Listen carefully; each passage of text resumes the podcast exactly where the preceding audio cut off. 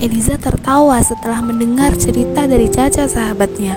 Mereka berdua sudah bersahabat dua tahun lamanya semenjak mereka SMA. Mereka kini berada di wisata alam yang begitu tenang menikmati liburan akhir semester.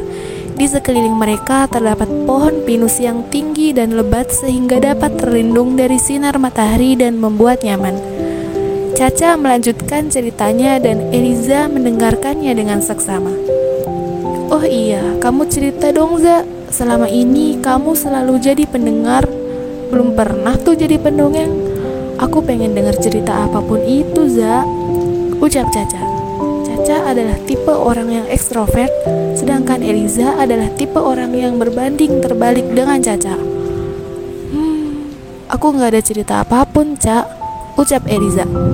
Bohong, nggak mungkin kamu nggak ada cerita apa pun. Ayo Za, cerita apa aja, aku pasti dengerin kok. Ucap Caca. Eliza diam, lalu menundukkan kepalanya.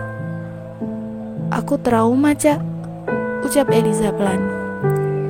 Dulu, sewaktu SMP, aku punya teman yang begitu antusias mendengar cerita aku.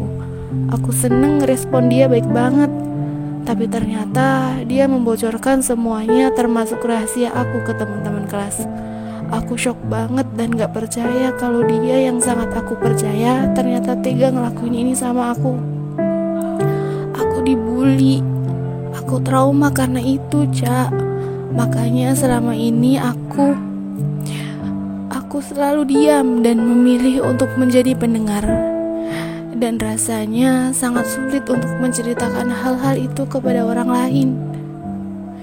Dan semuanya biarlah aku pendam sendiri. Ucap Eliza. Caca tersenyum. Za, perlahan kamu sudah menceritakan tentang diri kamu.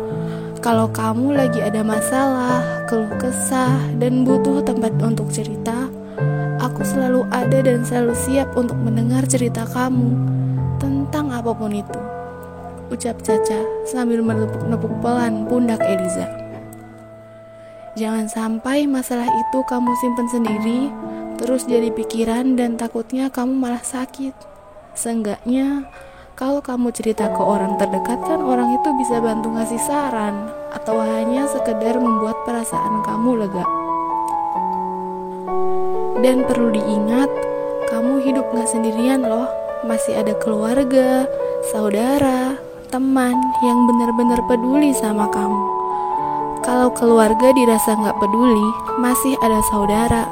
Kalau saudara masih dirasa gak peduli, masih ada teman.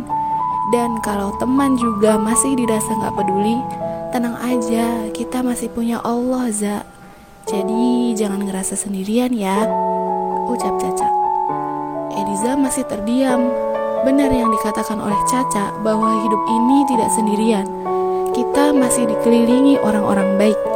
Salah satunya yaitu Caca sahabatnya. Makasih banyak ya, Cak. Perasaanku jadi sedikit lega, ucap Eliza.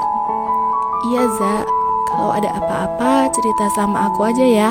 Aku selalu siap. Ucap Caca bersemangat. Kamu emang sahabat yang terbaik. Ucap Eliza. Ia tersenyum bahagia.